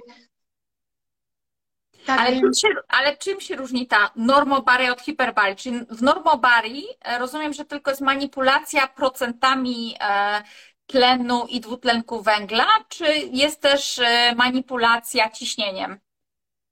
I, I w jednej i w drugiej jest podniesione ciśnienie. Ono musi być podniesione, żeby ten tlen jakoś wklepać, powiedzmy, w, w, w, w ciało. Tak więc i w jednej, i w drugiej jest podniesione ciśnienie. W normobarii, w której ja, z którą ja współpracuję w Lublinie, jest ciśnienie 1500. Tak więc mhm. normobaria i hiperbaria wszystkie mają podniesione ciśnienie. No i tutaj właśnie trzeba by porównać hiperbarię z normobarią o tym samym ciśnieniu. Mhm. Jeśli zrobimy to, czyli porównamy to samo ciśnienie, to okazuje się, że normobaria no jest lepsza, bo ma ten dwutlenek węgla nam potrzebny. Mhm. Tak więc lepiej działa, lepiej ten tlen jest um, wchłaniany przez, przez hmm. nasz organizm, jest bardziej efektywna normobaria. Pamiętajcie, że hiperbaria, mm, możesz przebywać w hiperbarii maksymalnie do dwóch godzin, zazwyczaj sesje y, są półtora godzinne. No bo mm, ona jest bardzo intensywna. Dłużej nie możesz być. Mhm. Oddychanie tutaj troszkę nawiązuje do negatywnego działania tlenu. Oddychanie czystym tlenem powyżej 6 godzin ma destrukcyjne mm, działanie na wiele naszych organów. Powyżej 20 chyba 4 godzin, z tego co pamiętam, są nieodwracalne zmiany w płucach. No nikt tyle w hiperbarii oczywiście nie siedzi, ja tylko no tak, mówię, no, że... To się wszystko pewnie dzieje pod jakąś tam kontrolą, tak? tak, tak Natomiast tak. chodziło Natomiast mi o to, że wiesz, że... Natomiast w normobarii są już domy, domy normobaryczne przecież, w, którym, w których ludzie normalnie żyją, mieszkają. Więc normobaria jest łagodniejsza, jest bezpieczniejsza i możesz przebywać w niej dłużej. Mhm. Hmm? Ja wiem, że ty y, robisz warsztaty w komorach normobarycznych. Dlaczego akurat te wybrałaś? No właśnie dlatego, że, że, że są bezpieczniejsze. Poza tym e, hiperbaria to są z reguły takie, wiecie, takie łóżka pozamykane, gdzie wchodzi jedna osoba, zamyka się i tyle. Natomiast normobaria to normobaria, z którą ja współpracuję, to jest taki trochę domek letniskowy. Tam wchodzi kilka osób, są trzy pokoje, dwa przedpokoje, łazienka. E, w pokojach jest telewizor, są łóżka, jest okienko. Wiecie, to jest taki domek letniskowy powiedzmy. Więc jest większy komfort po prostu przebywania. Nie ma tej paniki, że jestem zamknięty, że, że klaustrofobia, że coś. Więc wchodzimy sobie w kilka osób, siadamy, można sobie obejrzeć telewizję. Ja robię warsztaty oddechowe, czy zazwyczaj jest tak, że godzinę robię oddechów, godzinę medytacji, takiej rozluźniającej. E, więc no dlatego, dlatego, że jest bezpieczniejsza, jest, y, ma lepsze efekty y, zdrowotne na, na naszym ciele, chociażby właśnie ze względu na ten dwutlenek węgla i mhm. dlatego, że jest większy komfort przebywania. To jeszcze jakbyś mogła powiedzieć, po co do takiej komory normobarycznej pójść? Czyli na przykład, co mogłoby mnie skłonić do tego, żeby pójść do takiej komory? E, czy jakieś konkretne schorzenia, nie, wpływ na mitochondria, e, poprawa, nie wiem, e, jakieś problemy z, wiesz, z histaminą, no nie wiem. Ja, ja nigdy nie korzystałam, więc ciężko mi się tu wypowiedzieć, w ogóle nie mam pojęcia.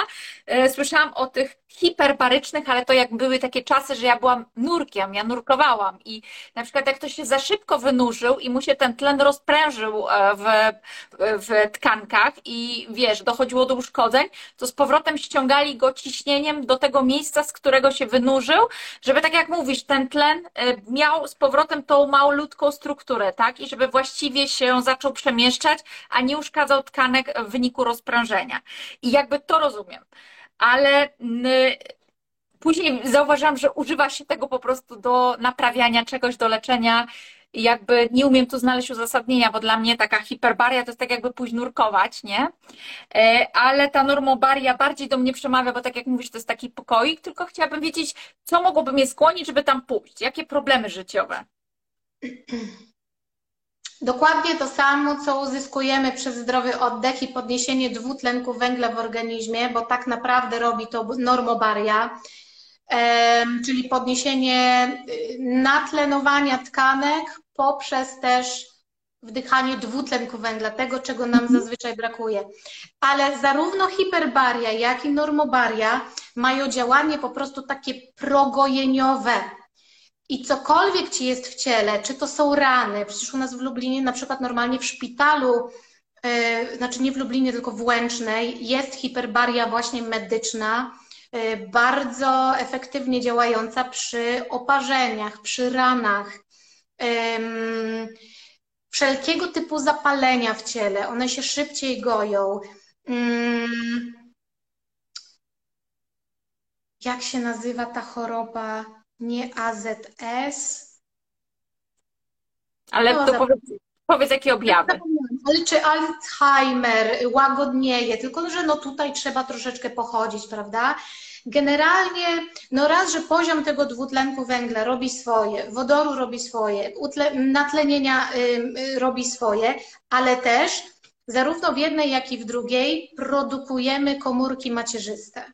Mhm. I głównie tutaj też o to chodzi. No co robią komórki macierzyste, to wiemy. Tak więc um, czy jak są osoby, które na przykład mają rany już na nogach pocukrzycowe, to to się też goi. Generalnie regeneracja organizmu, regeneracja. Mhm. I tu nie ma jakiejś, wiecie, choroby jednej czy drugiej. W hiperbarii y, bardzo dużo osób z uszkodzeniami słuchu poprawia się słuch, poprawia się wzrok na przykład. E, tak więc Dobra, zrobiłam już reklamę hiperbarium, normobarium. Hiperbarium, normobarium i jeszcze jest e, coś, na co ja chodzę. To jest tak zwana terapia mitochondrialna, e, gdzie doprowadzamy do hipoksji, czyli specjalnie właśnie jestem podłączona do urządzenia monitorującego i doprowadzam swój organizm do niskiego natlenowania tkanek, co w założeniu ma, ja nie wiem, czy też nie zostało do tego oczywiście ideologia dopisana, ale tak samo sprzyja regeneracji, sprzyja e, walce z wirusami, z bakteriami, poprawia odporność, to tak samo jak Wim Hof też udowadnia przecież, że e, poprzez regulację oddechu możemy pozbyć się patogenów z naszego organizmu, e, ale też osoby właśnie, które tą terapię mitochondrialną stworzyły, mają taką teorię, że wymieniają nam się mitochondria, czyli te zużyte, zepsute, uszkodzone, e, jakby są szybciej usuwane, w to miejsce powstają szybciej nowe. A jak wiemy, mitochondria to jest no, całość zdrowia naszego organizmu, produkcja energii e, i walka z wszelkimi metabolicznymi chorobami. No więc tutaj o tej metodzie powiem szczerze, że wiem chyba najmniej. Próbowałam się doczytać, e, nigdzie nie, nie, nie znalazłam informacji, ile tego tlenu tam jest podawane. Jest tylko informacja, że niskie, wysokie stężenie, niskie, wysokie, ale ile to jest niskie, ile wysokie? No i, w, i, tu jest duża różnica między Wimem Hofem, bo u Wima mm, dużą rolę odgrywa to wstrzymanie powietrza, ta faza retention, e, po prostu wstrzymania powietrza, bo ona doprowadza do um, kumulowania się dwutlenku węgla w naszym organizmie i to robi robotę. Natomiast w takiej mitochondrialnej metodzie Trochę nie wiem, co tam miałoby mm, jakby robić robotę, ale z drugiej strony nie zapominajmy, że tlenowa przewaga, e, czyli taka metoda trochę wywodząca się z butelki, ale skierowana na sportowców, e, jest właśnie oparta też, znaczy może nie tyle oparta, ale tam właśnie ta hipoksja y, odgrywa bardzo dużą, dużą e, rolę. Tak, no więc... też oni często przecież trenują na dużych wysokościach po to, żeby stężenie tlenu w powietrzu było niższe, więc oni mają do dyspozycji mniej tlenu, przez co mają więcej dwutlenku węgla, tak? No tak mi się wydaje, znaczy oni mogą próbować szybciej oddychać, no ale y, pobudzają sobie układ krwiotwórczy do tego, żeby wytwarzać więcej tak. czerwonych krwinek do przenoszenia Tutaj się zgadzam z tym krwiotwórczym rolą krwiotwórczą, że więcej krwinek czerwonych, więcej krwi jakby mamy. Tak więc, y, no tak. No, ta terapia mitochondrialna, na którą chodzę, ona też imituje mi trening wysokogórski. Ja nie powiem Ci dokładnie w jakim zakresie, ale wydaje mi się, że dochodzę do 40% tlenu i spada no mi do nie wiem, 16, 17, to wszystko zależy na jakiej ja wysokości chcę trenować, bo oni mi pokazują tam wysokość, na której jestem, tak? Mhm. No i wiadomo, że jeżeli ta wysokość jest e, duża, tlenu mam mało, to widać, że mi tętno przyspiesza, mój organizm jakby się mobilizuje, po czym ładują we mnie dużą ilość tlenu i to jakby nagle organizm ma tego bardzo dużo. To tak jak w Wimihofie trochę, tak? Czyli to jest takie przyzwyczajanie organizmu, stres, relaks, stres, relaks, stres, tak. relaks. Tak. I to, to może być efektywne, tak. No będzie ciekawe. Idę w przyszłym tygodniu na badania krwi, zobaczę, czy coś mi się zmieniło w hemoglobinie. Jestem ciekawa, bo już od miesiąca chodzę na to dwa razy w tygodniu. E, natomiast ja generalnie jestem tak zdrową osobą, że ja nie czuję różnicy, tak? Bo to nie jest jedyna rzecz, którą ja stosuję w swoim życiu. Dobra, wiesz co, jeszcze zobaczę, co tutaj mam, e, bo już rozmawiamy bardzo długo, ale zobacz, czy są jeszcze No ja mówię z rana, słuchaj. Tak. Um, a, a, a, a, bo o tych dziurkach to sobie powiedziałyśmy, że to można przez te mruczenie spróbować sobie mm, i też poprzez zatykanie nosa. E, bezdech senny. Czy tu coś mogłabyś doradzić? No bo ktoś powie, no dobra, ja trafię, mam bezdech senny o bezdechu zajęło mi godzinę. To bardzo, bardzo szeroki temat. Nie wiem, jak w dwóch zdaniach Wam opowiedzieć o bezdechu. No bezdech, w skrócie mówiąc, e, jest bardzo niebezpieczny i on powstaje w wyniku częściowego albo całkowitego zapadnięcia się z ściany gardła, czyli tego miękkiego podniebienia, które mamy na górze. I jeszcze jak dochodzi w nocy relaksacja języka, e, który jest mięśniem i ten, na przykład śpimy na plecach, ten język leci e, do gardła, zatyka gardło, e, no to do, dochodzi, dochodzi do bezdechu sennego. Pamiętajmy też, że oddychanie przez usta, to też na live mówiłam, oddychanie przez usta powoduje, też w skrócie mówiąc, wypadło mi słowo, zaraz sobie przypomnę, bo mi brzydkie słowa przychodzą do głowy. To, że tkanki po prostu są e, zwiotczałe. O, właśnie, to chciałam powiedzieć. Nie sflaczałe, tylko zwiotczałe. Czyli tkanki gardła, to miękkie podniebienie robi się bardzo wiotkie. I jeśli mamy przyzwyczajenie do e, dużego oddechu w nocy, no to to powoduje zapadnięcie się gardła mhm. i mamy bezdech senny. To, Słuchajcie, po, to w takim razie do tego live'a odnośnie bezdechu sennego odsyłam tak, ja tam godzinę gadałam, słuchajcie, o chrapaniu i bezdechu. E, pokazywałam, jakie ćwiczenia robić i na to hmm. miękkie podniebienie w gardle, żeby go usprężyć, żeby go uelastycznić, żeby ono się tak nie zapadało. I pokazywałam oddechowe ćwiczenia, tak więc, no, bo to mówię, temat rzeka, temat rzeka, ale bardzo niebezpieczna, e, niebezpieczna e, sytuacja bo doprowadza i do niedotlenienia, i do chorób serca, nadciśnienia, naprawdę. No dobrze, ja Ci dziękuję Asiu za, e, za to, że gościłaś u mnie i na koniec chciałabym jeszcze powiedzieć o tym, że mnóstwo materiałów jest w ogóle u Asi. Też nie ma sensu, żebyśmy wszystkie e, tematy tutaj e, jeszcze raz wałkowały, skoro Ty masz live'y, a widziałam, że ostatnio dość dużo tego było, dość dużo materiałów. No, no mówiliście mnie wszyscy na tej konferencji, no ja no się właśnie, bo ja się też zastanawiałam, dlaczego Ty tą wiedzę po prostu dla siebie trzymasz i ja widzę, że Ty się sprężyłaś i zaczęłaś opowiadać o różnych ciekawych rzeczach i prowadzisz te live'y, choć faktycznie dużo osób w tych live'ach nie uczestniczy, ale fajne jest to, że one są zapisane i można tam po prostu do Ciebie na kanał wejść i sobie te live otworzyć, więc ja Was zapraszam, żebyście dzisiaj po tym live'ie, e, czy później po zapisanym, jak już będziecie oglądać zapis, to chciałabym, żebyście weszli do Asi na konto. Oczywiście Asia tutaj będzie oznaczona jako współtwórca, więc przechodźcie sobie i oglądajcie tam te zapisane live'y, bo tam jest e, kawał materiałów. Wiadomo, że nie jesteśmy w stanie e, wszystkiego mm, tutaj opowiedzieć.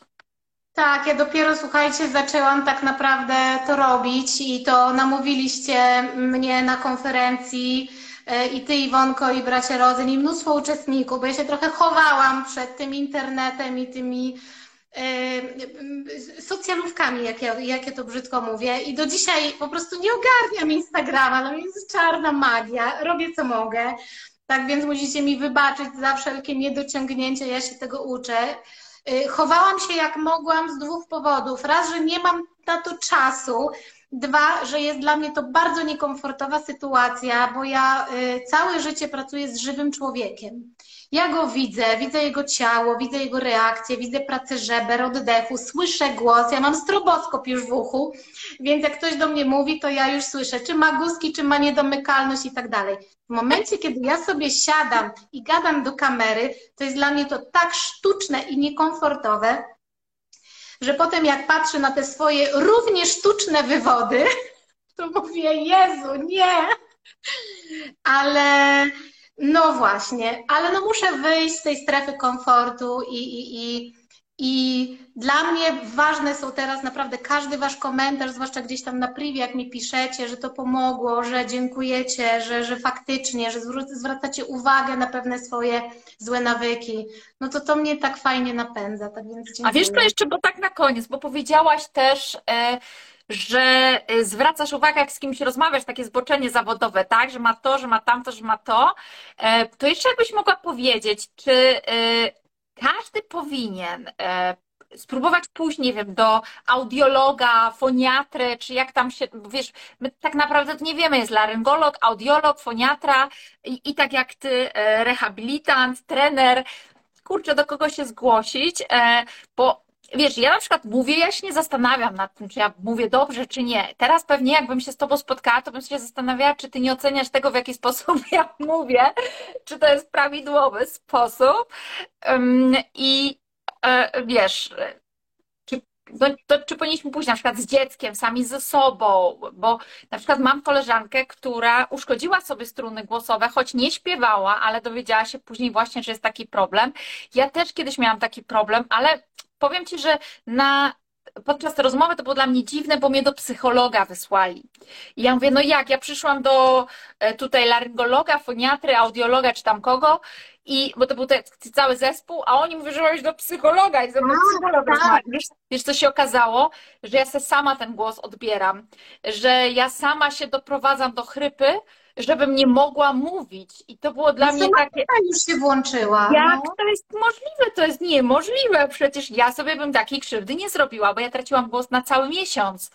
A to wcześniej nigdy się nie, nie, nie działo. I dopiero jak popracowałam z psychologiem, to przestałam tracić głos. Więc jakbyś mogła jeszcze na koniec właśnie powiedzieć, gdzie się udać? Czy każdy powinien się udać? Co sprawdzić i gdzie sprawdzić? I co powinno nas niepokoić? To jest to, że ja, ja, ja mówiłam wcześniej, że emocje są mega ważne. Ja dlatego, w, w, żeby być jakby jeszcze skuteczniejsza w swojej pracy, zrobiłam y, certyfikację hipnoterapeuty, który właśnie no, dociera do sedna czasami, e, do źródła tych emocji i je przepra, pra, przepracowujemy. Natomiast czy wszyscy powinni się udać? Ja myślę, że tak, z jednej strony, no bo jeśli badamy się różne części ciała, czy nerki, czy różne inne zakamarki, powiedzmy, y, no to dlaczego nie badamy głosu, który jest dla nas bardzo ważny i potrzebny do życia? Ale jeśli nie masz pracy mówionej, to bardzo często jest tak, że my nie czujemy potrzeby to jest dopiero, my idziemy do lekarza dopiero jak dostaniemy w tyłek, dopiero jak coś nas w życiu boli i przeszkadza. Mhm. Czyli jeśli bardzo dużo mamy um, nauczycieli, chociaż nauczyciele to tylko czekają e, na te, na te guzki, żeby mieć rok na poratowanie zdrowia tak naprawdę, ale to jest inny temat. Ale czy e, te, teraz mam panią z call center na przykład um, i, i, i jeśli choroby aparatu głosu, aparatu głosu uniemożliwiają ci twoją pracę, to wtedy jest ból i dopiero mhm. wtedy idziemy do lekarza. Tylko, tak że więc... wtedy jest dużo więcej do zrobienia, prawda? No, Czasami pewne tak, rzeczy są nieodwracalne. Tak więc ja polecam każdemu się sprawdzić, no ale jeśli wiecie, no niepotrzebny ci jest głos jakby swoim życiu, no to, to, to też no... Nie, no i jeszcze jakbyś mogła powiedzieć gdzie? Do No wiesz, masz laryngolog, foniatra. Nie, nie, no na, to wiecie co, ja mówię do zawsze, idźcie od razu do foniatry. Do foniatry. E, do foniatry i teraz tak, foniatra zazwyczaj wkłada Wam kija w gardło, to się nazywa stroboskopia, dosłownie kija w gardło, jeśli masz bardzo duży problem z odruchem wymiotnym, to masz problem i lekarz też. I ja dlatego mówię, nie bawcie się w stroboskopie, tylko jeśli jesteś taka wrażliwa w sensie odruchu wymiotnego, e, zażycz sobie fiberoskopię. Fiberoskopię to też na moich live'ach mówiłam, to jest Czyli co robi to badanie generalnie? To jest wsadzanie kamery w gardło, żeby zobaczyć, co tam się dzieje, jak te struny, jak te mięśnie funkcjonują, czy jest refluks na przykład, nie? Um, i robimy to na dwa sposoby. Albo kamera idzie przez gardło, czyli po prostu wsadzamy dosłownie kija, no bo, bo to jest taka szerokość. E, I ja na przykład e, jestem bardzo wrażliwa, nikt na potrójnym e, znieczuleniu nie jest w stanie mi rzetelnie zrobić badania, dlatego ja się już w to nie bawię. Jeśli potrzebuję, to idę tam, gdzie jest fiberoskop, czyli to jest badanie, też wsadzanie kamery do gardła, ale przez nos. I mimo, że to brzmi bardzo brutalnie, to komfort badania jest o niebo lepszy, bo to jest bardzo cieniutka i giętka żyłka i tego praktycznie w ogóle nie czujemy. Tak więc naprawdę polecam, czy, polecam, czy z dzieciaczkami, y, do mnie przychodzą już dzieci, słuchajcie, ostatnio sześciolatek z guzkami i to naprawdę dużymi guzkami na strunach. Y, tak, tak, tak, tak. No E, dobrze, tak. i teraz foniatra ci powie, są guzki, to cię wyślę do kogo? Do I tu jest rehabilitanta problem w Polsce. I tu jest wielki problem, wiesz?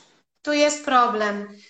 E, no może jakiś bardziej ogarnięty logopeda, e, czy neurologopeda, albo właśnie no po prostu rehabilitant głosu. A co robi audiolog? Audiolog, y, no trochę łączy słuch i głos, gardło jakby, ale bardziej słuch, nie? Czyli jeśli masz problem ze słuchem, to idziesz do audiologa. Okej, bo wiesz, chciałam mówić się gdzieś z synem i myślę tak, to ja mam iść do laryngologa, czy do foniatry, czy może do audiologa, bo wiesz, czasami on udaje, że mnie nie słyszy, nie? Więc może to kwestia słuchu. No, czy na pewno? Ale wiesz, ja tak mimo wszystko mam taką ochotę, żeby sprawdzić, bo na przykład kiedy wyjeżdża gdzieś na zgrupowania, zawsze ma chrypę. I teraz pytanie, czy on e, ma jakieś tutaj, wiesz, dysfunkcje i trzeba to poprawić, tak? I przez to źle układa sobie aparat mowy. Jeżeli masz podejrzenia, że źle słyszy, no to badanie słuchu u audiologa. No to to Mhm. wyszło, że ma doskonały, wiesz, więc No bo mówiłaś, że cię źle słyszy. To taki był żarcik tylko, wiesz, A z rozumiem, dobra, dobra. Natomiast jeśli ma chrypę, y, tak jak mówię, bo, mm, bo ma zgrupowanie, no to czy to nie jest stresowe, czy to też nie jest po prostu somatyka, prawda? Ale warto zbadać, warto zbadać naprawdę, jak to działa. Ja mam teraz y, pacjentki po, mm, z niedowładem w ogóle y, mięśni przywodzących, czyli z- jakby mięśni, które przywodzą, przy, ruszają strunami głosowymi, które zaserwowali im po prostu niestety lekarze przy operacji. e, No jedna pani miała operację mm, wycięcia nowotworu przy tarczycy, a druga miała całą tarczycę wycinaną.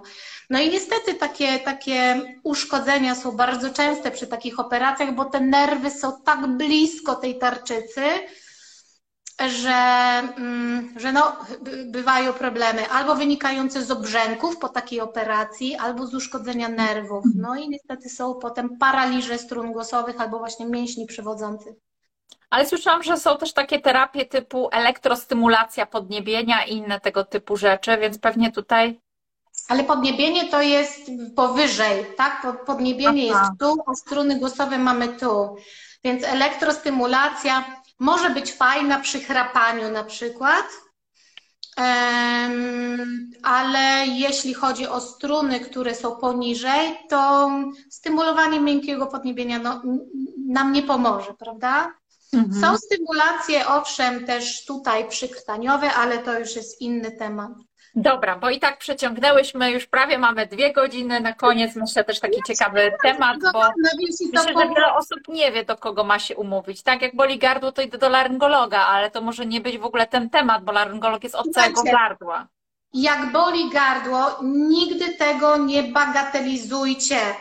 Naprawdę nigdy. Jeśli macie chrypkę, nigdy tego nie bagatelizujcie. Ja wiem, że jest kolejny taki mit, ale to musimy chyba zrobić odcinek o, y, o głosie.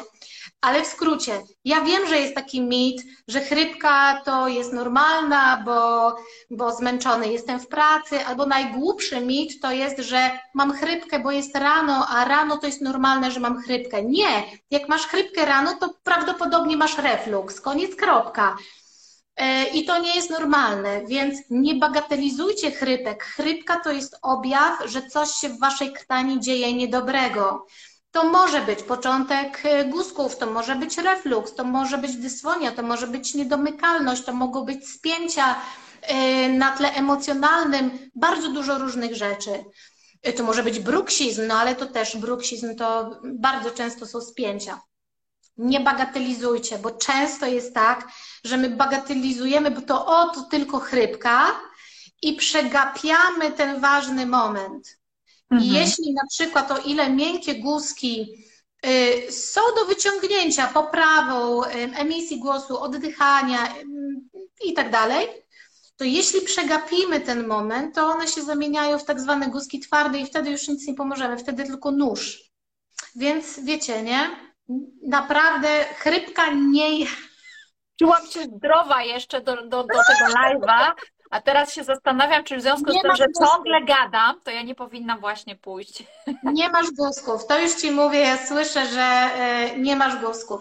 Guzki mają charakterystyczną taką chrypkę, taką wiecie, guzkową my mówimy. Nie masz guzków na pewno.